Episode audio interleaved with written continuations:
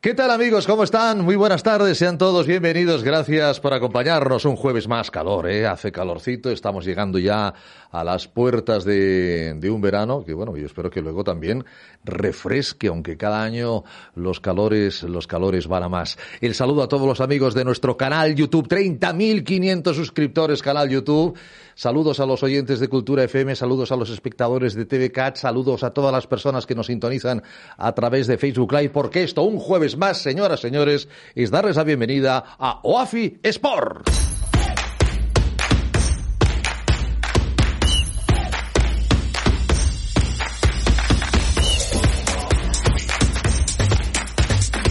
Música refrescante, música veraniega, como siempre el saludo al presidente y CEO de OAFI, presidente y CEO de ECOSAR, el doctor José Vergés. Doctor Vergés, bienvenido, gracias por acompañarnos. Gracias Ricardo, a con, ti. Con, los, con, los, calores hay que, pues sí, hay que ir con cuidado, ¿eh? Hay que ir con cuidado, hay que ir con cuidado. ¿eh? Tenemos que hacer el deporte en condiciones. Deporte ¿Mm? no a las horas No a las eh, horas puntas. puntas, sino por la mañana, por la tarde, o en un sitio que esté a una temperatura adecuada, que esté cubierta, entonces es diferente. Pero esto de hacerlo con 40 grados... Eh, esto te puede dar una lipotimia, un golpe de calor. Eh, sí, sí, cada año por desgracia tenemos a alguien que hace un parque software que, se, que decimos y que hace la muerte sí, súbita que se llama, sí, sí, que realmente pues hace un paro cardíaco, ¿no? Y es lamentable, pero que es, no es frecuente, pero bueno, siempre hay algún ciclista, un corredor, no, en fin, alguien que... Lo, lo, digo porque ahora a lo mejor la gente dice, ahora voy a tener tiempo, ahora voy a estar de vacaciones, ahora pues ahora voy a hacer todo lo que no he hecho durante los últimos meses, ¿no? Eh, O los últimos años con lo de la pandemia, no lo sé. Y voy a empezar a correr y a las 12 del mediodía voy a estar No. ahí al, al lado, los que estamos aquí en Barcelona, en la playa corriendo. No. No, Eso no es se- que, eso no es que correcto, ¿eh? no solamente por la temperatura y porque puedes tener un problema de deshidratación, un problema cardiovascular, sino porque, como siempre hemos explicado, que tienes que hacer una actividad física acorde y tienes que empezar, o sea, poco a poco y cada día vas haciendo más, porque si realmente estás sin actividad y de porrazo te pones a hacer una actividad física que hace meses que no haces, pues Hay que estar eh, le- lesión, lesión, lesión, Lesión al canto. Al canto, Lesión al ¿eh? Hoy hablaremos, hablaremos de lesiones, de cómo, bueno, como siempre, ¿no? Hablaremos de cómo eh, hacer deporte lo más sano posible. 30.500, doctor Pues sí, Vergés. una satisfacción. Eh, El canal, el canal Son mucha gente, el canal YouTube de, de OAFI sigue, Sí, sí, sigue subiendo. Sí, sí, esperemos que, pues en fin, que vayan siendo miles y miles de personas y vayan entrando y bueno, 30.500 personas no, no está mal, estamos muy contentos, ¿eh? Poco a poco vamos, vamos subiendo. Sí, somos- ¿eh? Es sí. somos como la gota malaya, ¿eh? Fuimos Ya, ya. Una vez me decía un jefe que tenía yo que en, en, en- en la vida, ah, dijéramos, los picos son malos. Siempre, Sí. me- y, y es verdad, ¿eh? medicina los picos son malos. Siempre el aumento lo bueno eso el es. aumento sostenido está muy bien. Eso es, el aumento sostenido, ¿me Sí, entiendes? pum, Pum, pum, pum. no subidas y bajadas, No. esto, mala señal, ¿no? Entonces siempre ir subiendo poco a poco, pues es, es bueno, vamos subiendo, eh, es lo importante. Vamos subiendo. Lo que no sube son los números de OTPAR. ¿sí? Lo hemos dejado en 12. Lo dejamos en Sí, 12 al menos sí, está- en, esta, en esta primera fase, que es Sí. una fase embrionaria, ¿no, doctor Sí, Vergés? y- yo espero que esta semana podamos ya cerrar. ¿eh? Sí. Ah, estamos, dijéramos, como sabéis, es un estudio que hacemos conjuntamente la, la UAFI, conjuntamente con la ECOSAR. Sí. Es un estudio para ver la calidad de vida de la gente que tiene osteoporosis. Osteoporosis, ¿eh? sí, sí, sí. Y bueno, eh, necesitábamos realmente pues ya pacientes que hayan tenido osteoporosis y fractura. ¿eh? Es un poco la, la, la posterior. Es la otra- ruta asistencial la en ruta, osteoporosis. sí. Ahora pasamos a la siguiente, a la siguiente imagen, David, y, David, es esto, y ahí es- vemos el perfil de los Exactamente. pacientes. ¿eh? Necesitamos pues a un par de, de mujeres que hayan tenido am, osteoporosis y que han sido hospitalizadas con fractura. ¿eh? Y después también un hombre. ¿eh? Con esto ya tenemos los 12, ya tenemos otros, los otros nueve. o sea que tenemos nueve. ¿eh? Nueve, O sí, sea, sí, nos, fal- sí. nos faltan tres. Tres. Nos faltan tres. Eh, que, que hayan sido diagnosticados después del COVID. ¿eh? O Sí. sea, o sea, de, desde el estado de alarma de marzo. Que la fractura me- después. mediados de marzo del 20. Correcto, hasta ¿eh? ahora. Un Hasta- año- un año y pico. Hasta ahora. Los, Un año- los 15 meses. 15 los meses, 15 meses que, exactamente. Que, que más o menos, que más o menos llevamos. Exactamente. Para hacer esa ruta asistencial en osteoporosis. Bueno, yo no sé, eh, alguna cosita más. Lo tenemos ya todo presentado, todo programado. Todo bien. Bueno, estábamos eh, más también est- que, que- que estamos en una campaña muy importante de con, con OAFI, con la CEFAC, Consejo Español de Sí, Comunitarios. ya lo hablamos el lunes, Exactamente, que dura pasada, dos, sí, sí. dos semanas. ¿eh? Sí, sí, sí. Y, Recuérdenlo. ¿eh? Y que pueden a sus farmacias, hay unas 10.000 farmacias. Estamos en los- en los últimos días, ¿no? Sí, en los últimos. No, no todas, ¿eh? pero eh, 10.000 farmacias que están, a- están en, en esta línea de que tienen el cartel donde pone OAFI ACOSAR y, y, y, pone SEFAC, por supuesto, que es los Española Farmacéuticos Comunitarios, en los cuales pues colaboramos pues ya hace varios años y muy contentos y bueno, para que pregunten allí, para que se informen bien de, de cómo prevenir la artrosis, cómo evitar las lesiones, etcétera, ¿no? Y por supuesto, pues que, la que las personas que quieran que pueden llamar a, a, OAFIC les informaremos conjuntamente con los farmacéuticos y farmacéuticas, ¿no? Estamos en los últimos días de la, de la segunda de la segunda semana, así que ya todo preparado, todo listo para Eso decir es. Claudia Huertas, bienvenida. Muy buenas tardes. Buenas ¿Cómo tardes? Claudia. Aquí está Claudia Huertas, dispuesta a hacernos un análisis, supongo. Hombre, Eh, Nuestra bióloga, más. exdeportista internacional, paciente de artrosis. ¿Temas de verano, Claudia? Hombre, hoy hablamos de deportes de verano, ¿verdad? Sí. Bueno, yo- Es, es lo que toca, ¿no? Es lo que toca. Ya, bueno, estamos a las puertas del verano y ya, ya tenemos ganas también. Aparte de, bueno, tener presente todo el tema del calor que ahora comentabais, que Sí, supongo que irá saliendo durante todo el programa. Yo dije, hombre, no sé por dónde tirar porque hay tantos deportes de, vera- de verano y tuve que, que elegir uno.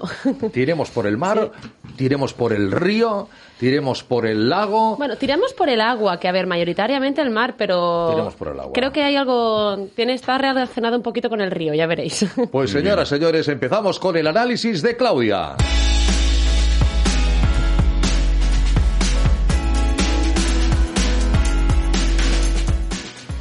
Bueno, pues yo después de mucho pensar y también gracias a las sugerencias de, de nuestros oyentes, porque nos escribieron y nos sugirieron el, el tema también, vamos a hablar de la vela, de la vela deportiva, un poquito de la historia y luego también de, bueno, a ver, rápidamente de los tipos de, de vela deportiva que hay, porque hay muchos. Somos muy buenos en vela en España, ¿eh? Exacto, es que... Muy buenos. Y lo bueno es que aquí al menos es, es reconocido y es- además es una cosa que todos mm, lo vemos, ya Sí. sea que lo practicas o que lo ves cuando estás en la playa, los ves en el mar, surgen curiosidades, ¿no? dices, ostras, te surgen preguntas de, ay, ¿y cuántas modalidades habrá? ¿Y, y- cómo se lesiona la gente? ¿Qué hay que tener en cuenta, no? Entonces vamos a hablar un poquito de esto.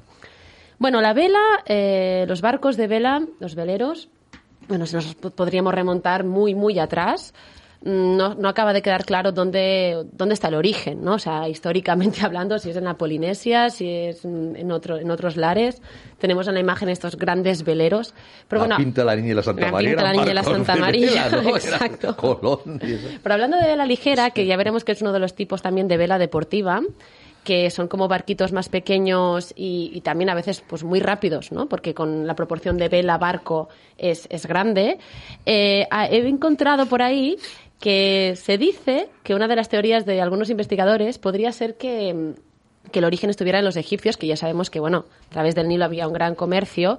Y dice también la leyenda que los egipcios eh, atribuyeron los barcos de vela a la diosa Isis, que era la, la esposa de Osiris, espero no equivocarme, porque buscaba a su hijo y para encontrarlo más rápidamente, pues eh, a través de estos barcos de vela fue como, como fue un poquito más allá.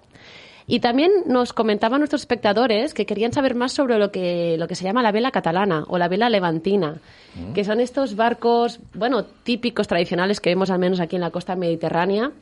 Puede ser tanto aquí en, en Cataluña como, como en Menorca, o sea... Sí, las, las menorquinas que dicen, Exacto, ¿no? las Sí. barcas menorquinas lo vemos aquí en pantalla, que es como esto es un- una ilustración que es tan típico de aquí. Y como vemos son barcas relativamente pequeñas, de, básicamente utilizadas para, para pescar. Para pescar. Y lo bonito, y también pues, bueno, y así como dato curioso que lo puedes, siempre digo lo mismo, que lo puedes decir en una cena con amigos, es que tienen la vela latina. Aquí la vemos dobl- eh, doblada en este dibujo, pero la vela latina cambia un poquito de la vela cuadrada, porque al desplegarse hace un triángulo y es un tipo de vela. No, no, me, no me las doy de entendida, ¿eh? solo lo poquito para, para que nos quedamos. Es una vela de cuchillo. La ventaja de esta, de esta vela en, en comparación con una vela cuadrada es que puede cambiar de sentido más rápido. O sea, se puede adaptar al, al viento de, de varios, de varios lados, entonces es como mucho más rápida y mucho más, mucho más adaptable. Así que bien. gracias también a los espectadores que nos han dicho, oye, hablad un poquito de esto porque, porque es bonito. Y bueno, incluso también decir que la vela catalana, o sea, la barca catalana, eh, se expandió también muy rápidamente a América. De hecho, los, los balleneros de San Francisco lo conocían como estas barquitas como The Catalan Ring, o sea, como el Ah, anillo fíjate. catalán a este tipo de, de velas, de barcas pequeñas de pescadores con, con la vela latina. Entonces, ya está bien de historia, pero eh, ¿dónde creéis que a nivel deportivo, o sea, una vez de la- los veleros dejan de ser este, este, bueno, este, este punto, pues, no sé, necesario y comercial, ¿cuándo pasan a, o en qué lugar pasan a ser un deporte? O sea, ¿dónde creéis? Si tuvierais que apostar por un país, por unos mares, por unos ríos, ¿dónde diríais que fue? No sé. Hombre, a No ver, doctor, a ver. A ver, va, un poquito, Ah, porque- no, no lo sé, Claudia, sabes Bueno, ya de- no, es- es- esto es adivinar. Pero, a ver, eh, lo Los que es- países nórdicos. No, No, no. Pero bueno, bueno intentado. Yo, a ver, a mí me parece que, que la civilización mediterránea fue la que empezaron a ir con barcos, ¿no? Es decir, ¿no? Entonces. Pues yo puede también ser- habría pensado que sería Mediterránea, y tal. ¿no? Pues no, ¿No? los Países Bajos. O sea, la Ah, historia Holanda es y curiosa. Holanda y todo. Exacto. Ah, muy bien. O sea, Pues eh, la navegación deportiva, o sea, como de ocio, Sí, sí. nació allá porque el rey Carlos II de Inglaterra, cuando estuvo exiliado ahí antes de volver a Holanda, eh, pues lo, lo convirtió en deporte, digamos. O sea, se conocían ya en todos esos eh, dams, ¿no? En esos Sí. diques que tienen por ahí. Pues luego lo importó, digamos, para, para Inglaterra y la primera regata de la historia fue en el río Támesis. Así que yo no lo habría dicho nunca. Fíjate. El Thames, que le llaman ellos. Sí, sí, sí, En sí. el O sea, yo, digo, también habría apostado por otro Bueno, lugar, sí, pero sí, no... sí, sí. Oye, lo- Usamos lo- el los de Oxford ¿no? y los de Cambridge llevan ciento y pico Sí. de Claro. años haciendo la, Es la- verdad, la, que- regata, claro, ¿eh? es verdad. Sí. Son... Es muy y- y tradicional. esa- Eso es histórico, ¿eh? Sí. Pero claro, no, no llevan velas. O sea, Claro, porque primero remo. hubo el remo, Van a luego vino la vela. O sea, sí. al menos había cultura. Tal vez podría sí, sí, justificar sí, un sí, poquito sí, que sí, origen sí. esté Fíjate, fíjate una, una anécdota. Cuando yo estuve en Canadá, y si vas, te quedarás, dijéramos, eh, muy parada, que en el río San Lorenzo hay, hay poblaciones, sobre todo muy arriba, que son poblaciones vascas. Vale, el apellido. O sea, es- son pueblos va- vascos, ¿no? Y eran, eran pescadores, tú imagínate, ¿eh? en, en aquella época que subían, a- eran pescadores vascos, que subían a pescar y, eh, dijéramos, ballenas. Iban al río San Lorenzo, a- al- a- iban subiendo hacia el norte, colonizaban un poco, pescaban ballenas y marchaban. Entonces, esos, esos, de hecho, o sea que los primeros colonizadores de, de la parte del Quebec no, no fueron los franceses, en realidad sí, dijéramos. No fueron, los fran- vascos. Bueno, como fueron- los eh, también eh, vascos y gallegos también se, se expandieron Pues mucho en, en para caso de Quebec eran vascos. Lo que pasa que, dijéramos, bueno, iban allí, pescaban y se marchaban, ¿no? Vale. Después ya venían... ¿Pero iban ya- a vela o no iban a vela? Ah, iban remando. Iban, iban a vela, iban a vela. Yo creo que iban a vela. Y bueno, sí, sí, pero me llamó mucho la atención, ¿no? Porque eh, hay pueblecitos allí y son vascos, ¿no? Entonces pasa que dijéramos no no colonizaron y no entonces vieron los franceses y toda la zona de Quebec fue pues por los Sí, claro, franceses es no francesa, pero eran era, muy o sea pero tú imagínate yo imagínate, Aprendemos cosas aquí, ¿eh? no sí pero fíjate tú imagínate en vela o remando irse de, de, de- de- de- del País Vasco, ¿no? Hasta, hasta, hasta, Hasta Canadá. Hay que- hay que cruzar toca, o sea que estos pescadores, mérito, bueno, ¿eh? sí, sí. Eran estos- auténticos lobos de mar. Estos se iban y volvían al cabo de nueve meses como mínimo a casa, ¿no? Si volvían. Si volvían. Si volvían. Si volvían, Sí, ¿eh? sí. Exacto. Pues bueno, continuando bien, con con el Holanda. deporte, ahora que ya sabemos dónde se originó la vela como práctica deportiva y la primera regata fue en el Támesis, os diré que hay como tres grandes grupos de, de vela deportiva, ¿no? Que se compite. Hay la vela ligera, como os decía, que son los Optimis, los Borien, bueno, son como barcos más, más pequeños. am, y que compiten a nivel de competición mundial. son estos? No, estos No. serían más grandes. Estos serían ya lo que se llama vela de, de crucero, que ahora llegaremos a ella. Esto me suena más al Fortuna, ¿no? De lo de Claro, otros, ¿eh? Es venido la imagen, ¿eh? Entonces, en vela ligera compiten tanto a nivel de Copa del Mundo como a nivel de, de Juegos Olímpicos. Luego habría la vela olímpica en sí, que es toda una modalidad. De hecho, eh, llegó bueno, a los Juegos Olímpicos en 1900. Y estaba yo pensando que ese deporte que os dije que solo pasó una vez, que era esa especie de, de carrera de obstáculos eh, en el Ah. río Sena Sí, como deporte sí, olímpico sí. que, que luego ya no fue más, creo que fue ese mismo año también. Una, Y- vez, una vez y nada más. Exacto. Y luego finalmente pues tenemos, como veíamos en pantalla, lo que son veleros de crucero, como sería pues la Copa América, que conocemos mejor, ¿no? El América, Barcelona sí. World Race, que aquí se vive muchísimo. Sí, sí. En su día pues serían esta, este tipo de barcos. Entonces, vamos a hablar de lesiones, ¿no? Porque es un claro. deporte que se puede practicar a nivel deportivo, pero también a alguien le dice, oye, pues este verano, mira, mm, vamos a salir un par de días o vamos a practicarlo. Es muy interesante que, bueno, a ver, puede ser un poco lógico, pero es en ese tipo de deportes eh, las lesiones son más propias de las condiciones ambientales e incluso de convivencia con tus compañeros de equipo que, que del deporte en sí. Eh, en la mayoría de deportes es más causa del propio deporte, ¿no? Bueno, el primer, si tuvierais que decir un- una lesión, eh, ¿cuál, ¿a cuál apuntaríais primero? O Oye, como- brazos o, o- piernas, ¿no?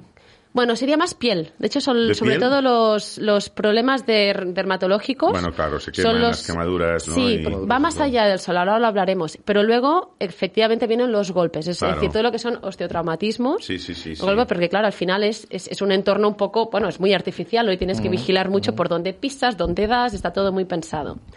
Bueno, como os decía, las enfermedades cutáneas son las más frecuentes y de largo, ¿eh? Y va más allá del sol, porque no es solo que te pegue el, sol todo el rato y que vayas bien protegido con la ropa o con la crema. Claro, piensa que estás sometido a un viento constante. A, a altas, bajas temperaturas, porque mm, tan rápido te estás asando como se pone una nube, viene una tormenta y estás ahí medio congelado. La radiación, salitre, humedad. Y, y no solo eso, también puedes ir eh, fregándote la piel ah, con los cabos, con las Claro. velas que hay por ahí, con, con las cosas, ¿no? Y además también es gracioso porque en, en cómo han evolucionado los barcos, el diseño del barco ah, influye también en que haya más lesiones, porque sí que es verdad que ahora los barcos van mucho más rápidos, pero a costa de eh, que la tripulación se moje mucho más. Es decir, ahora como se diseñan Se los moje barcos... literalmente, ¿no? Sí, exacto, se, se moje tal cual. O sea, antes, ahora como van mucho más rápidos, Sí, sí. están diseñados para que, para dejar pasar, bueno, inclinarse más, dejar pasar Sí, más agua. sí, sí, sí, y también lo que se dice como en jerga, lo de pinchar las olas. Sí, sí, es decir, que antes con, con los tipos de barco que había, pues no se podía hacer tanto. Entonces tú tienes un poco la seguridad de estar siempre mojado. Esta es una, ¿no? O sea, de que te vas a mojar más ya porque te va a caer más agua. Y la otra es que vas a estar siempre en traje de baño. Entonces, la humedad, la falta de ventilación que genera sí. todo esto, Sí, sí, claro. a nivel a nivel de la piel, Tiene pues eh, pues pareciera pareciera que solo el sol, pues no, realmente es eh, es, es un, es un factor muy muy importante. Sí, sí, sí, sí. Después, ¿qué vendrían? Pues los golpes, como decíamos, esos traumatismos. Y, y como pasa muchas veces en la vida, no es solo cuando, cuando estás haciendo el deporte que tienes más riesgo, sino en esos momentos de descanso, ¿no? En esos momentos tontos. Tal vez cuando estás ahí en el barco, bueno, Más o, o- tensión. sí, o Más- haciendo un rol, porque todos los tripulantes, uno pues achica la vela, el otro cambia la dirección, ¿no? Y estás en tensión y estás agarrado. Pero como anécdota explicaban que en, hace un par de años en la regata quien tuvo la contusión más fuerte en, una de las regatas más importantes del mundo, ahora no me hagas decir cuál, eh, fue, fue un marinero muy experimentado, pero que sufrió un gran golpe cuando estaba en el baño. Porque, claro, dejas de tener la percepción de cómo están viniendo las olas. Te relajas un y de, poco. ¿no? Y de golpe, pues bueno, estaba ahí y salió disparado contra la puerta pues que- porque el barco enganchó un- Una bueno, ola. una ola y, y picó fuerte contra, no contra está- el mar. y no estaba atento. Claro, o sea, ya. no puedes, no puedes estar a veces cuando nos relajamos, Sí, es sí. cuando Sí, sí, sí, sí, sí, más sí. problemas hay. Sí, sí. Y bueno, y no vemos también que pese a el entorno no deja de ser un deporte, así como en tenis veríamos pues tendinitis, Sí. en bueno, el, Sí, en- con codo de tenista, de exacto, hombro, codo de tenista y tal. lesiones de rodilla, de Aquí cadera. también hay, pensad que es muy eh, hay una gran parte de cardio, ¿no? De por cuando Sí, sí, sí, cuando hay esos momentos de intensidad en que venga, tienes que darle recoger vela muy rápido, muy rápido durante un rato para poder hacer virar el barco o X. Eso también se puede traducir en movimientos repetitivos. Es decir, no solo hay golpes por contusiones, sino también hay eh, pues tendinitis, roturas de fibras, esguinces, fracturas derivados del propio, del propio deporte. Y, ya para... Y pienso, Claudia, que las manos han de estar protegidas también, ¿no? Bueno, no siempre he visto que lleven las manos No, no protegidas, preocupes, pero, ¿eh? pero, pero si, si hay que los cabos, no sé Claro. qué, Yo bajar. los- o habéis sea. visto con algunos guantes de estos así. Puede ser con Es poco es cortados, es ¿no? no te puedes hacer sí. unas, unas heridas De importantes todas en la formas, mano, ¿no? fíjate, Claudia, pueden hacer ¿eh? muchas Yo laceraciones tengo la, en la la- mano. Tengo la impresión que es un deporte que se ha de estar Es muy eh, duro, muy duro, muy ¿eh? preparado Muy eh, duro, físicamente. muy eh. duro. Yo Ahora digo, hablaremos ¿eh? de esto porque no, no Sí. es trivial. No es trivial. Ya como por último, a nivel de lesiones o de cosas que te pueden pasar, lo hemos bebido mucha hora. Son las transmisiones de, de enfermedades infecciosas, especialmente respiratorias. Es decir, estamos hablando de nivel competición, eh, tra- tra- quiero decir, atravesar sí, el sí, océano, sí, sí. estar unos días. Claro, si te llevas un virus de casa o un resfriado de Pues casa, lo pasa a los demás. es cuando jorobas, por decirlo de alguna forma, la tripulación, al menos durante, durante unas semanas. Aunque te dirán que estás al aire libre, ¿no? Que Exacto. que hay mucho viento, Oh, ¿no? pero piensa que luego estás... Arriba sí, pero abajo no. Pero abajo no, exacto. Luego estás exacto. dentro de cubierta y ya no, Exacto, y ya no de esto. Pues muy bien lo que, lo que comentabas, Josep, porque aunque parezca que, que en sí para hacer vela tampoco tienes que preparar muchísimo, el simple hecho de estar en el entorno sí que te requiere una preparación sí, física. de hecho, ah, se recomiendan varios tipos de, de ejercicio para, pues para practicar este deporte, especialmente si lo practicas ya no, no, no solo a nivel recreativo, sino a nivel de deporte, de venga, vamos a competir, vamos a hacer Sí, una, reba- una Una regata, regata. una traviesa o lo que sea. Primero, ejercicios de movilidad, o sea, tienes que eh, tener mucha movilidad muy disponible para todo tipo de, de velas, de nudos. Quiero decir, tienes Sí, que hacer sí. gestos Claro. que tal vez no estás acostumbrado. Y fuerza. Claro, ejercicios de, de autocarga, es decir, eh, toda aquella gimnasia, entre comitas, que se realiza con el propio peso. En realidad, sí. Un, un grumete experto, el barco es su propio gimnasio, por Sí, decirlo sí. de alguna forma, ¿no? Te acostumbras Sí, a andar con conciencia, estando eh, cargando pesos. O sea, todo esto también se tiene que entrenar. Sí, sí. Propo- propiocepción, como decíamos, de la mano de la movilidad. Y, y bueno, incluso también se podría entrenar para quien se quiera preparar ejercicios con elásticos, que esto lo hemos hablado en algún programa, porque también te ayudan a potenciar estos movimientos un poco extraños de que normalmente pues tú no harías en tu día a día. Correcto. ¿no? De subir el brazo así, la pierna ponerla de una determinada forma para engancharte con, con los Claro. pies y no caer, etcétera. Y ya para acabar, un tema que es muy, muy importante es el tema de la hidratación. Es decir, y más con el calor, y Sí. bueno, lo hemos hablado, Sí. ¿no? Pero, pero es que esto tiene, tiene dos, em, tiene como dos caras, que tal vez la gente solo se queda con una, ¿no? Que es realmente eh, tengo que beber porque, porque si mi cuerpo se deshidrata, pero es que eh, hay una relación directa entre la deshidratación y las lesiones osteomusculares. Y es más, la causa-efecto entre la deshidratación y la aparición del, mal de mar también es directo, eso de que te empiezas a sentir mareado y tal. Eh, bueno, lo he oído que mm, lo, explicaba el médico de la selección española de, mm, equipo de Mafre, bueno, que es, como he dicho antes, la vela es un equipo potente, la española. Eh, el organismo humano, es decir, el cuerpo detecta, te está diciendo, "Mm, oye, tienes sed, cuando detecta un 2% de deshidratación.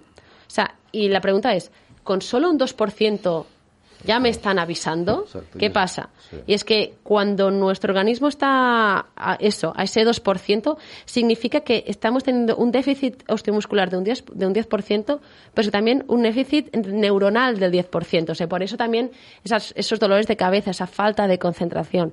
Así que la hidratación va mucho más allá y las lesiones en la vela van mucho más allá de el sol, sino que tenemos que tener en cuenta mm, cómo funciona nuestro cuerpo y, y ir bebiendo, eso sí, a poquito a poquito y regularmente. Pero antes de tener sed, efectivamente. Antes An- de te- an- Antes de que el cuerpo te avise, por- porque Idealmente. ya te estás deshidratando. O sea, si no. ya estás mal, ¿eh? Sí, y, estamos hablando de solo un 2%, un Sí, 2% sí, sí, de deshidratación. sí, sí, o sea, tenerlo sí, en cuenta. Este dato, mira, yo no lo conocía Sí, sí. y... Bueno, yo, yo, yo fíjate que hay, hay una cosa que parece obvia, que no es tan obvia, es que la gente a veces ah, hacemos una actividad física o un deporte y nos metemos sin conocerla. Es decir, esto, Claro. la, la- ¿no? la, la gente que ha empezado de pequeño o, o de pequeña, ¿no? Y, y, bueno, ha aprendido a ir al mar, o ha Mm. tenido profesores, o ha estado en, en una, en una escuela de estas de vela, o lo que sea, ¿no?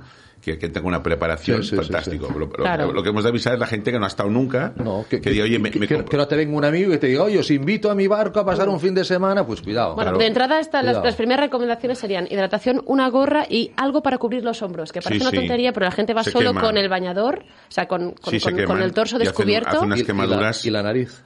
Exacto. unas quemaduras o sea, tremendas, o sea, sí. crema solar, hidratación, Sí. Algo para cubrir la cabeza y algo Sí, para sí. cubrir el torso. Y así, La más nuca, o la- la menos. la nuca mojada Sí. siempre, ¿eh? Exacto, para evitar también esos porque males y fíjate esos que yo, yo, bando- ve- yo- bajones. yo es, un- es una actividad que veo muchísima gente, o sea, en los puertos en España. Porque es mucho de ocio y no tanto de, ocio, deporte. ¿eh? Hay, hay- hay miles de, de- bueno, miles no, pero hay cientos de puertos. O sea, en España, como somos Sí, un sí, país sí, muy- bueno. que tenemos mucha mía, costa, Baleares, tanto, Canarias y, todo. y tanto. Entonces ves, ves cantidad de puertos con una cantidad de, de gente con barcos, ¿no? Por tanto, Pues bueno, a ver si teniendo en cuenta estas recomendaciones os animáis a Hacerlo. este verano a, Hacer vela, que sea a vela nivel de ocio porque es, la verdad es que es muy muy chulo. Sí. Yo practico bonito. la clase 49er de, en vela. Eh, ¿Eso qué es? es una competición. Me has pillado. Es, es- es un tema olímpico. Yo, yo, yo lo Eh, yo no he indagado tanto, ¿eh? Lo, he avisado. No, es que lo viví en los Juegos Olímpicos, me gustaron mucho la- las bar- los barcos y me, y me dijeron, es la clase 49er. Y ahí se me quedó.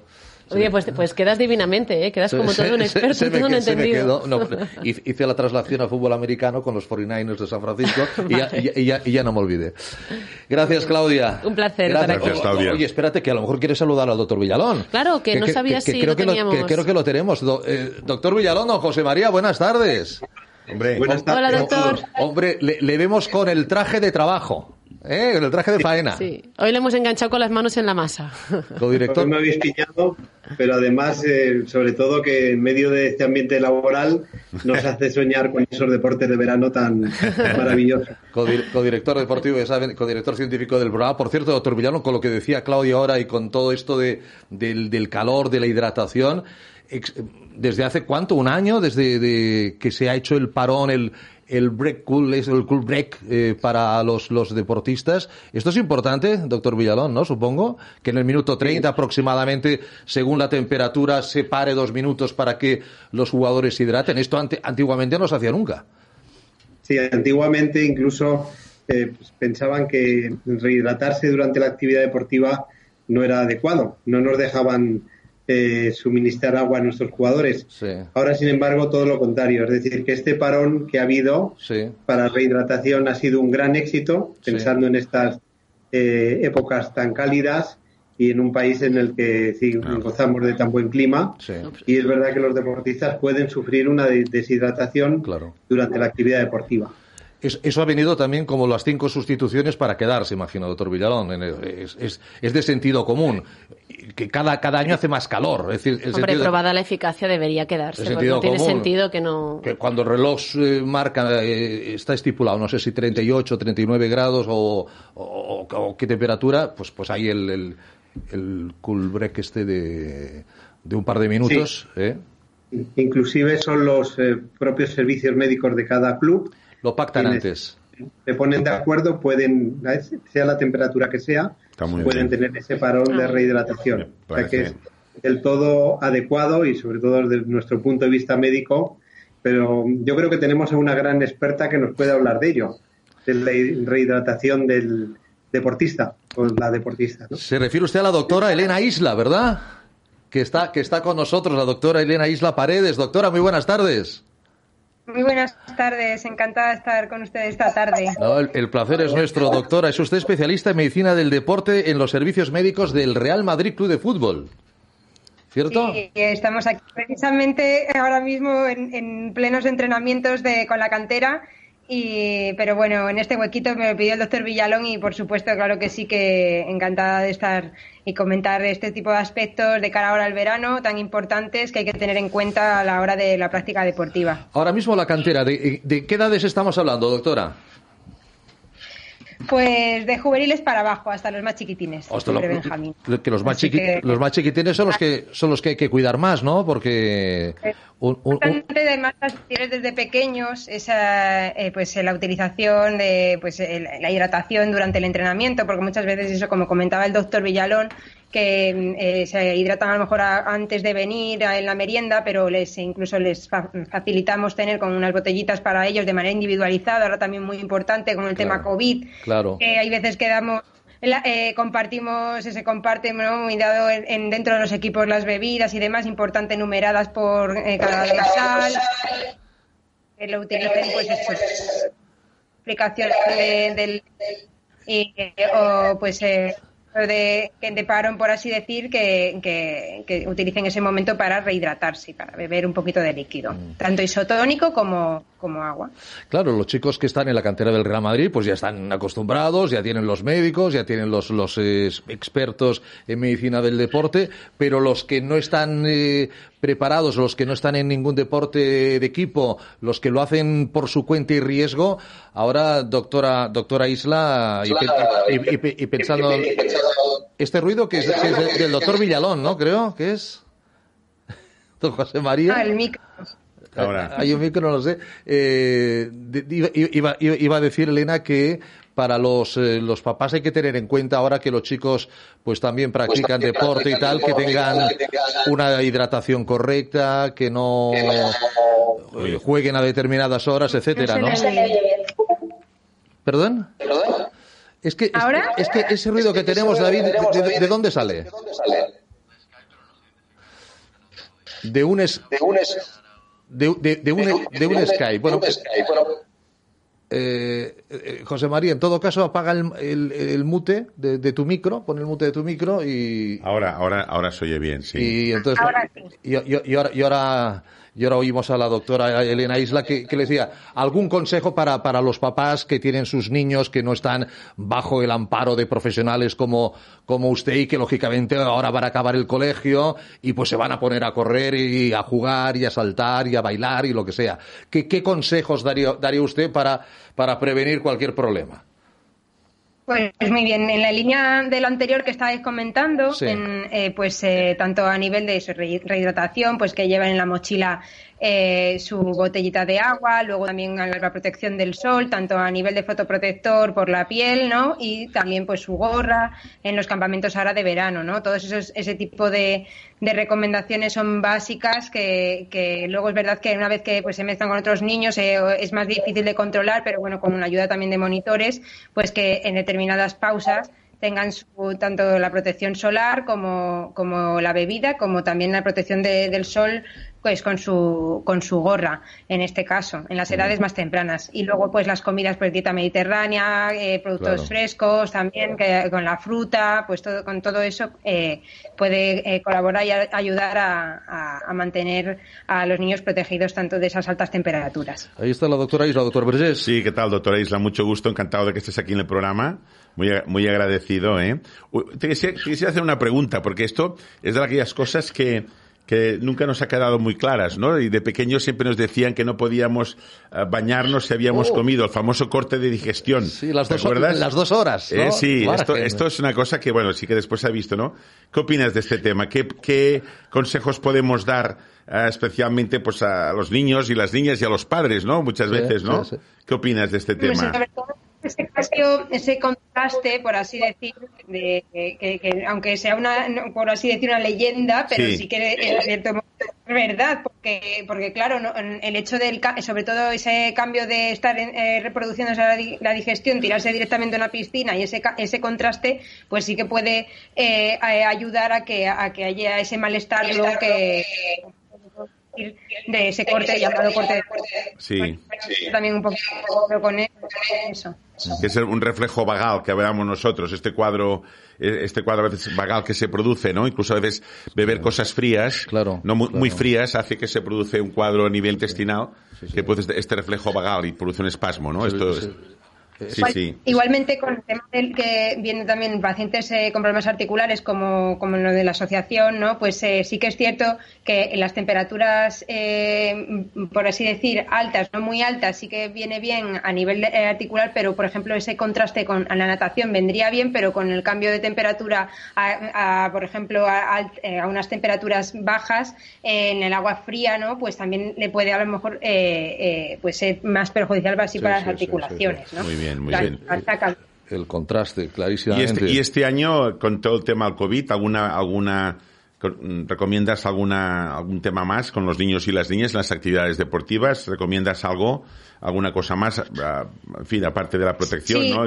Pues atender, siempre a los protocolos, siempre es importante de cara, por ejemplo, ahora, pues de cara a campamentos o campeonatos, por ejemplo, de España, ahora estamos organizando a nivel de baloncesto eh, campeonatos de España, pues todos los protocolos COVID, de distancia social, a nivel también, por ejemplo, en, el momento de, de las comidas, eh, eh, que, que, hayan pues esa separación entre unos y otros, que es en el momento que más se quitan la mascarilla y están más tiempo unos con otros, ¿no? En, ese contacto directo, por así decir. Muy bien. Luego, eh, pues el lavado de manos, fundamental, previo a las comidas.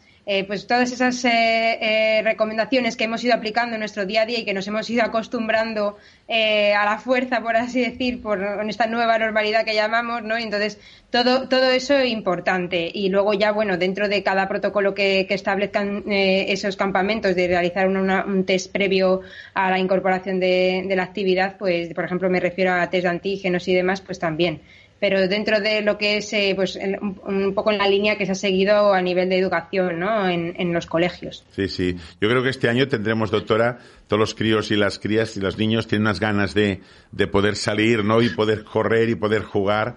Yo creo que se va, este año se va a apreciar mucho, ¿eh? Eh, las ganas que la gente tiene de, bañarse en un río o, irse a bañarse en la playa, de jugar, ¿no?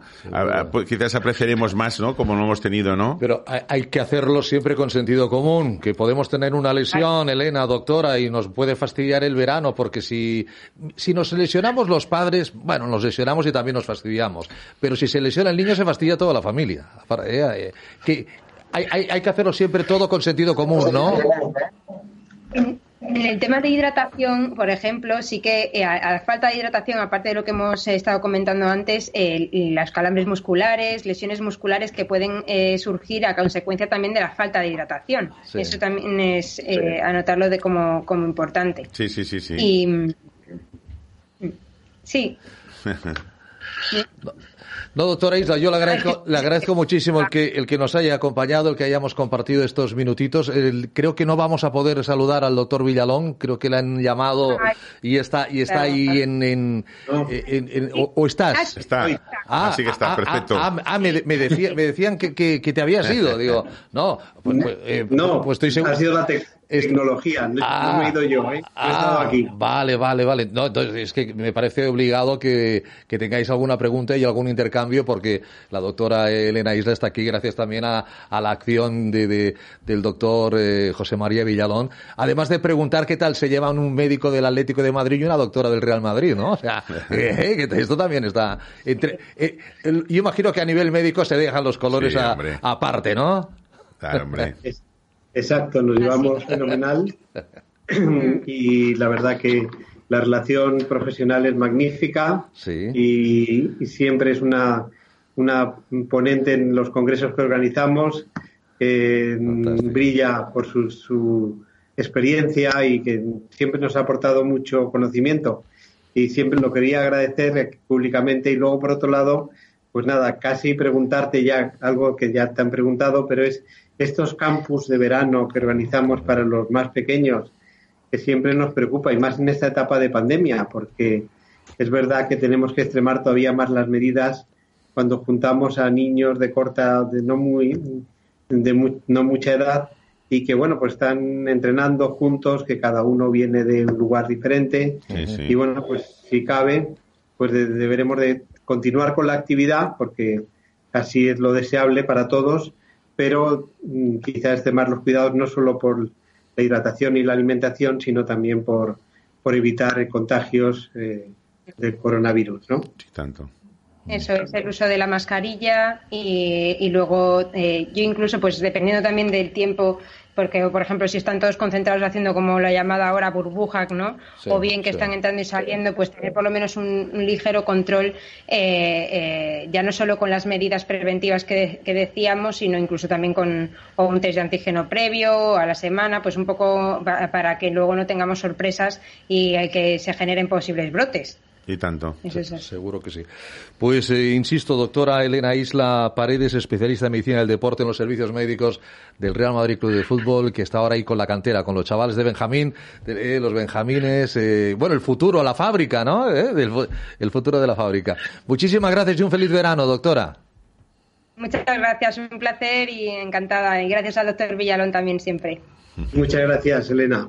Muchas gracias. Hay, hay, hay, un tema que a mí, que a mí me gustaría comentar eh, siempre desde el lado optimista, porque además la noticia ha terminado bien, pero me gustaría comentar, eh, sobre todo con el, el, preguntarle al doctor Villalón, que es, que es un hombre que está ahí eh, con los equipos de fútbol, con, con, su Atlético de Madrid, en el campo. ¿Cómo, cómo viviste, José María, lo de Eriksen? Este chaval de la selección danesa que cayó, eh, bueno, a plomo, que afortunadamente lo, lo lo está superando. Eh, te, pones en, te pones en el lugar del médico de la selección danesa y esos 45 minutos han de ser terribles, ¿no? Hola. Todo esto que ocurre en un campo mm, deportivo durante competición, durante un entrenamiento, es algo dramático. Es decir, es una situación que nos hace pensar que debemos de estar todos los servicios médicos entrenados para salvar una vida en una situación como esta de una parada cardiorrespiratoria. Es muy importante esa formación de un servicio médico en situación de emergencia que realmente pues eh, prese a pese a la presión ambiental que hay durante una alta competición, pues hay que actuar con rapidez y con una seguridad en cada paso que se da para hacer esa reanimación cardiorrespiratoria. Eh, creo que cada caso puede ser diferente, es decir, una parada cardiorrespiratoria se puede deber a, varias causas, pero es cierto que mm, parece ser que este jugador, como la mayoría de todos los jugadores profesionales, eh, están muy estudiados, no parece que presentase una patología diagnosticada eh, y mm, a pesar de todas las pruebas a las que son sometidos tanto con su selección nacional como con los diferentes clubes eh, profesionales en diferentes países que ha jugado este jugador.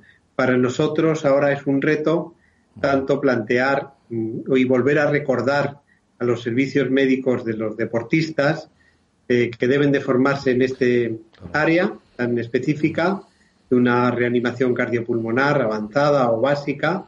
Y por otro lado eh, también considerar que mm, a lo mejor los chequeos médicos deportivos todavía pueden avanzar más para mm, diagnosticar estas patologías que pasan mm, a veces eh, desapercibidas.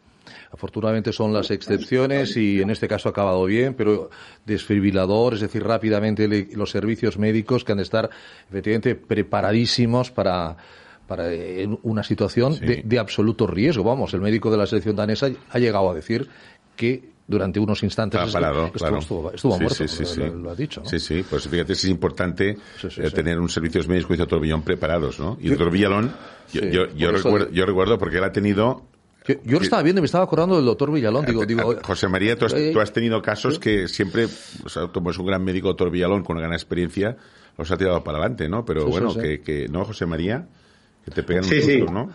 Bueno, también, también yo recuerdo una, una ponencia que hicimos en un congreso de Semergen que se realizó en Barcelona sobre, se hablaba de la muerte súbita. Sí.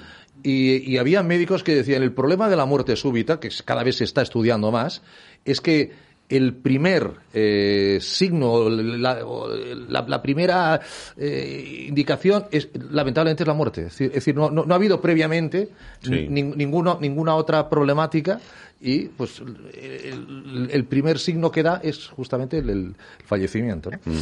Pero bueno, que también nos, nos, eh, nos lleve a eso, a los chequeos, a la, a la, a la medicina preventiva y que no dejemos de un lado la medicina del deporte, que es, que es importante la especialidad de medicina del deporte y cada vez pues eh, más avanzados.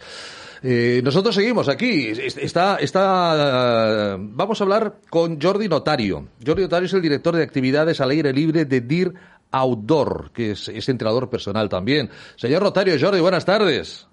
Hola, muy buenas tardes. Buenas tardes. El aire libre, Dita Udor, eh, Udor. Bueno, eh, ¿qué, hacéis ahora en verano eh, en, en, aire libre en, DIR? ¿Qué, actividades hacéis en especial, señor notario Jordi? Bueno, pues, a ver, el aire libre nos, nos permite seguir un poco con las eh, rutinas tradicionales, seguir con los programas de actividad física que, que solemos desarrollar durante el año lo que sí que es evidente que es una época del año que tenemos que tener en cuenta eh, tanto el entorno como la climatología. ¿no? Eh, entonces, lo que sí que gestionamos, intentamos gestionar, eh, son los horarios, las zonas de máxima calor, pues evitar generar actividades, sobre todo en, lugares donde no podamos encontrar una zona sombría o o, que no haya puntos de hidratación, etcétera, etcétera, etcétera. Pero en principio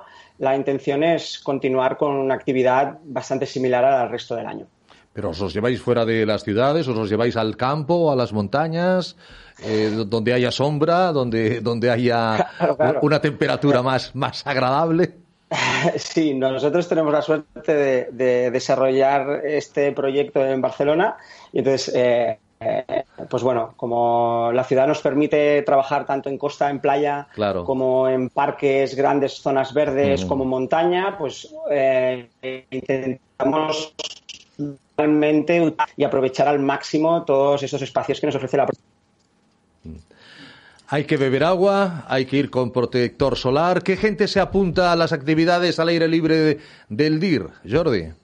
A ver, en nuestro caso eh, tenemos gente de todo tipo. Tenemos desde gente que está empezando y, con este tiempo que hemos tenido que vivir, ¿no? De, de pandemia y pospandemia, pues también ha sido una alternativa, eh, quizás con una sensación mayor de seguridad para gente que empezaba a realizar ejercicio físico. Y luego a partir de aquí, pues evidentemente eh, dividimos entre los que serían actividades un poco enfocadas a, a la salud, pero también eh, otras actividades enfocadas más a deporte, ¿no? Como puede ser eh, eh, correr, la preparación para diferentes eh, carreras en diferentes formatos, ciclismo de carretera, ciclismo de montaña. Y, y- Entonces, eh, el, el- el tipo de cliente es muy transversal. Ujú. Doctor Vergés. Bueno, ¿qué tal? Encantado de que estés aquí con nosotros, ¿eh? Hay una, hace, bueno, mucho- muchos años que colaboramos con la Fundación DIR, ¿eh? Y la verdad es que, bueno, y con la, con la, con la, con la cursa de la Guardia Urbana, ¿eh? Y, en fin, cada año, y es realmente un placer colaborar con el DIR, ¿no? Nada, nosotros ya sabes que tenemos eh, pacientes que tienen, eh, dijéramos, artrosis, ¿no? Y entonces, en, en este sentido, re- recomendamos mucho pues que la gente haga actividad. Ya sabes que la gente que tiene artrosis tiene que mover. En, Sí, en sí. este, se- en este sentido, tenéis en los pa- la gente que tiene artrosis o, o tiene un cuadro de artrosis o un problema tipo articular o osteoporosis, ¿recomendáis algo en especial o hacéis algún tipo de actividad física especial? A ver, de- dentro de lo que sería la parrilla de, de programación o parrilla de servicios, eh, ha- hay una línea que nosotros le llamamos Cuidat, que son estas que están enfocadas más a, a tener un beneficio, una ventaja sobre eh, o, o patologías crónicas o gente eh, que se está iniciando ¿no? con, un, con un historial sedentario. Entonces, eh, si hablamos de, de patologías reumatoides, eh, en, en un principio tenemos una actividad que se llama walking, que es caminar. Muy bien, eh, muy bien, que es la mejor. Creemos que es, Es muy es una buena. actividad de bajo impacto, Exacto. que es, evidentemente, mm, se inician con trayectos cortos y se va haciendo una, una evolución, pero sería de estas actividades donde el proceso de aprendizaje es nulo, es cero, y desde el primer momento se empieza a disfrutar de lo que es eh, hacer una actividad física. Perfecto. No, cada vez más tendréis más gente, ¿eh? Cada vez más que va a hacer este tipo de actividad, ¿eh? Cada vez más, cada vez más, Oye, ¿eh? ¿y, y actividades nocturnas? Lo digo por aquello de que baja la temperatura, ¿también hacéis? Sí, nosotros, bueno, en, en- de forma recurrente, sí que, sobre todo ahora en verano, Sí. eh, hay actividades que los, los horarios son bastante tarde, 8 de la tarde, 9 de la tarde, y después de forma puntual sí que se hacemos alguna actividad ya más nocturna, como puede ser alguna caminata eh, nocturna de noche, donde, con frontal, por ejemplo, o, o también alguna, alguna excursión por montaña eh, directamente nocturna. Pero mm, especialmente no, no solemos hacer, sino son actividades especiales. ¿Hay que ser socio del DIR para estar en alguna actividad al aire libre, DIR outdoor, o hay personas que pueden decir, "No, yo me apunto a unas actividades eh, a lo largo de este verano?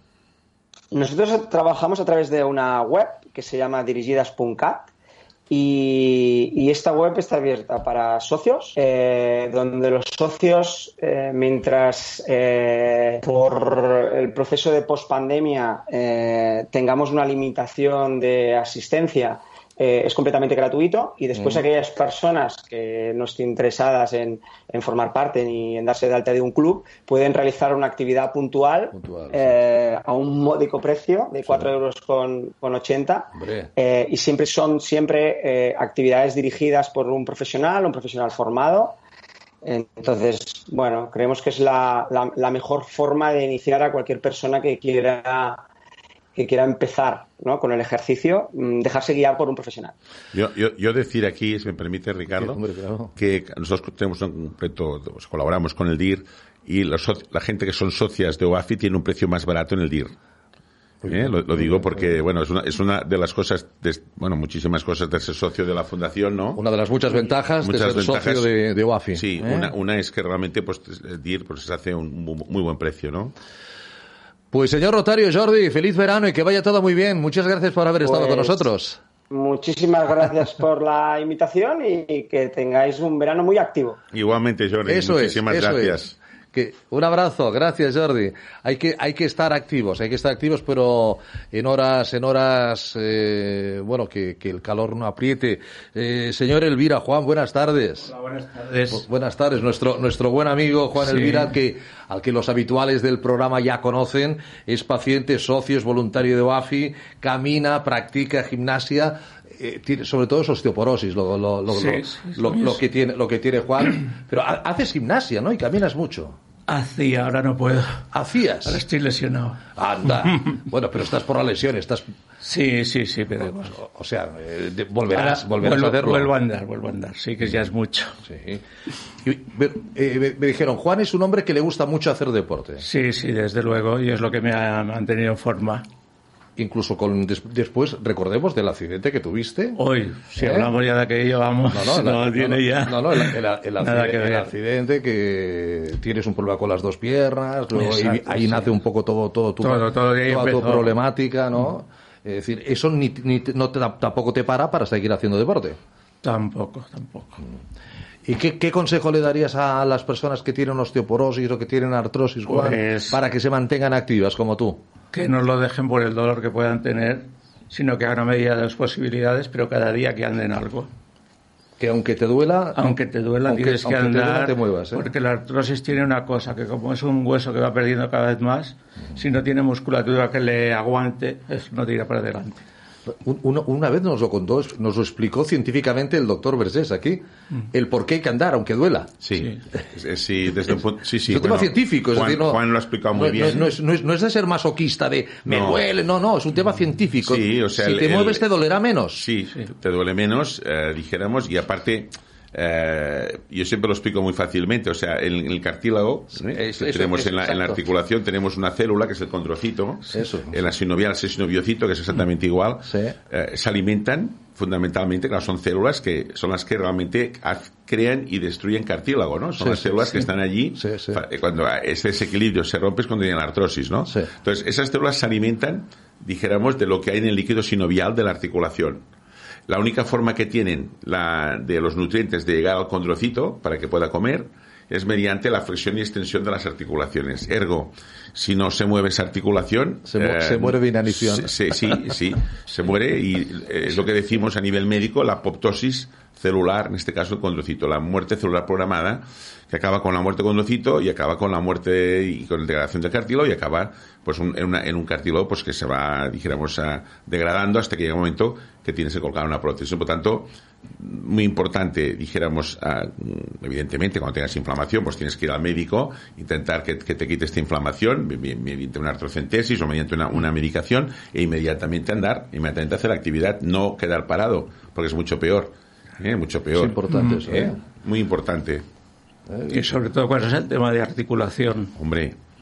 que Y para tanto. ponerlo en marcha otra vez cuesta, pero Cuesta, muchísimo. cuesta, cuesta. Y contra, y contra más mayor te haces, más, ¿eh? Bueno, yo lo que le quería comentar el otro día, lo del hueso, que yo decía, de este hueso Dime, parece dime. que está vivo. Pero es verdad, ¿eh? porque dentro del dolor del hueso hay unas cosas como que se mueven, ¿eh? Sí, sí. Y se te clavan y Sí, es, sí. es un dolor terrible. Sí, sí, sí. Bueno, tienes de- pues, a veces tienes un condroma, Sí. a veces hay, hay un trozo de cartílago que se, que se rompe y entonces que se mueve en la articulación. Eso no lo entendía yo, pero Eso se tiene que sacar. pasa, pasa, sí. Sí, sí, porque claro, tienes allí, notas tú un, un trocito de que se va moviendo, esto es un condroma, entonces tienes que, con artrocentesis, coger y sacarlo, porque está moviéndose por Claro, allí, va el menisco. Molesta. Aparte del dolor que pueda o el mal... eh, se- Debe ser... Sí, ¿no? sí, sí, sí, psicolo- que se mueve. psicológicamente molesto, ¿no? No puedes Sí, ni sí. dormir ¿eh? por la noche. Sí, sí. Digo, ¿cómo que estoy tranquilo y que no pueda dormir? El otro día hablábamos de esto. Exacto, por eso, ¿te sí, por eso Lo me- vistes, ¿no? Sí. Lo que hicimos con, ¿eh? Sí. con el doctor Stevie. Sí. Oye, doctor Villalón, ¿las temperaturas influyen en el tema muscular, en el tema osteoarticular? ¿La gente se encuentra mejor? ¿El músculo se recupera mejor con el calor o se recupera mejor eh, con el frío? Bueno, en principio, si no es temperatura extrema, eh, todo el aparato locomotor funciona bien con calor, con un poco de calor. El frío, la humedad, eh, todo eso influye negativamente, por decirlo así, en Sí. pacientes que tienen enfermedades crónicas y enfermedades reumáticas. El, el hecho de que hablemos de calentamiento de un en un deporte es porque mm, pretendemos poner a la musculatura y a los tendones eh, en una temperatura óptima para rendir mejor posible y evitar, si cabe, lesiones. Un deportista que no tiene esa fase de calentamiento, que no ha puesto sus músculos a una temperatura adecuada, puede correr el riesgo de lesionarse. Y eso Entonces, sí. No, iba a decir, y eso lo, lo, deberíamos hacer todos. Ahora, la gente que sale incluso a andar, eh, dedicar un tiempo a estirar, y, al empezar y al terminar, ¿no, don José María? Sí, el calentamiento y el enfriamiento. ¿eh? Enfriamiento Todo sí. eso es útil. En, en, teoría, esos ejercicios de estiramientos, de los que ya hablamos en un programa sí. de OAFI, eh, Sport, y, y luego ejercicios de calentamiento. O sea, que no solo es el estirar, sino el hacer a menor intensidad luego el ejercicio que vayamos a realizar, caminar, correr, eh, todo eso es útil para que ese, esas eh, articulaciones estén correctamente lubricadas y para que esos músculos, generalizando, como digo, estén a la temperatura óptima para poder realizar la actividad. Y sin olvidar, como siempre dice el doctor Bresjes, que hay que estar en forma para hacer deporte. No nos Eso vamos es, a poner a hacer deporte para estar en forma. Que yo sé que hay gente, como decía con lo de la COVID, que este año que ya se han abierto algunas cursas, algunas carreras populares, que, que se van a apuntar con ganas a- y, y van a correr 15 kilómetros Sí. cuando hace año y medio que, que nos han movido, ¿no? Sí, sí, sí. La cabeza, la cabeza te engaña en esto. Porque la cabeza, el cerebro, piensa que lo puedes hacer porque ya lo has hecho, porque es un déjà vu. Sí. Pero el cuerpo no. El cuerpo O sea, que hay- no, no está preparado. No, claro, y muchas veces pasa. O sea, tienen lesiones porque, claro, como lo has hecho, lo voy a volver a hacer, ¿no? Sí, Pero bueno, sí, lo puedes sí, hacer sí. cuando estás en una condición física bien, ¿no? Sí. Por tanto, el consejo, poco a poco, haciendo las cosas bien, salir, todo en su justa medida, ¿no? Y a partir de que se va haciendo entrenamiento, pues se va haciendo un poquito más, el cuerpo te lo va mandando, ¿no? Que, eh, Eso es lo que tiene que cumplir la gente, eso que Sí. acaba de decir. El calentamiento lo es todo, sí. Claro.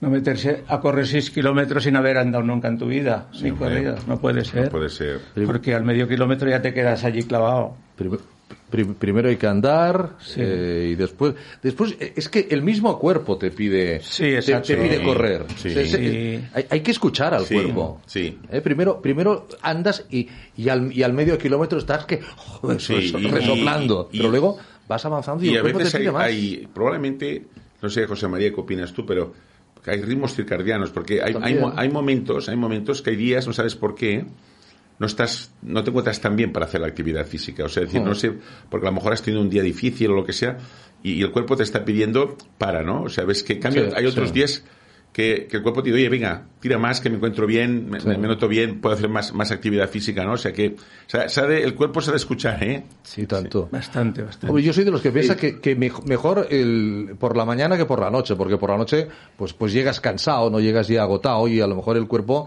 no rinde tanto. Bueno, eso dependerá de cada persona, pero la- yo- el- los jugadores de fútbol entrenáis por la mañana. Eh, Sí, pero sin madrugar sin embargo, mucho. Cuando, cuando llegan los partidos importantes, Sí. se adecúan a lo- los entrenamientos a los tiempos o a las horas de competición. Al horario, sí. Fijaros, ahora los eh, deportistas olímpicos que participen en Tokio Sí. normalmente requieren un periodo de adaptación, adaptación horaria y adaptación ambiental. Mm, Entrenar a las Sí, sí. temperaturas en donde van a competir, Claro. a la humedad relativa del aire también. Es decir, que esa aclimatiza- aclimatación la necesitan los deportistas para luego rendir. Eh, el ciclo circadiano, que muy bien ha explicado el doctor Vergés, condiciona. Hay deportistas que compiten mejor a una hora matutina y otros compiten mejor a última hora de la tarde. Lo que sí en el deporte de alta competición se procura que se realice esa adaptación y luego el día de competición que lleguen lo más descansados posibles Claro. a esa hora eh, en donde van a estar ejercitándose al máximo nivel. Pues querido doctor Villalón, un placer, muchísimas gracias y sobre todo gracias por el esfuerzo que nos consta que, que ha tenido que hacer por estar hoy con nosotros aquí en directo. Un abrazo, José María, cuídate mucho, hasta el jueves que viene. Un gran abrazo, Un José abrazo. María. Cuida- cuídate mucho, gracias. Juan, vamos, vamos, vamos a ir terminando, que nos queda creo que un, minuto. Ya, un, ya estamos a punto. un, un minuto, un minuto veinte. Oye, eh, ¿cómo lo haces para no llevarte ningún susto cuando un golpe de calor y cuando haces eh, deporte? Beber mucha agua. ¿Llevas, llevas siempre la botellita de agua? Sí, sí, por lo ¿Eh? general sí. ¿Y te vas mojando la cabeza también? no, no, no. Beber más que bien nada. Bueno, pero oye, a veces mojarse, sí, la, que mojarse te la cabeza, ¿no? mojarte la frente, La la frente, la- sobre todo que te notas muy caliente. Frente y nuca, bueno ¿eh? que te mojes de vez en cuando, sí.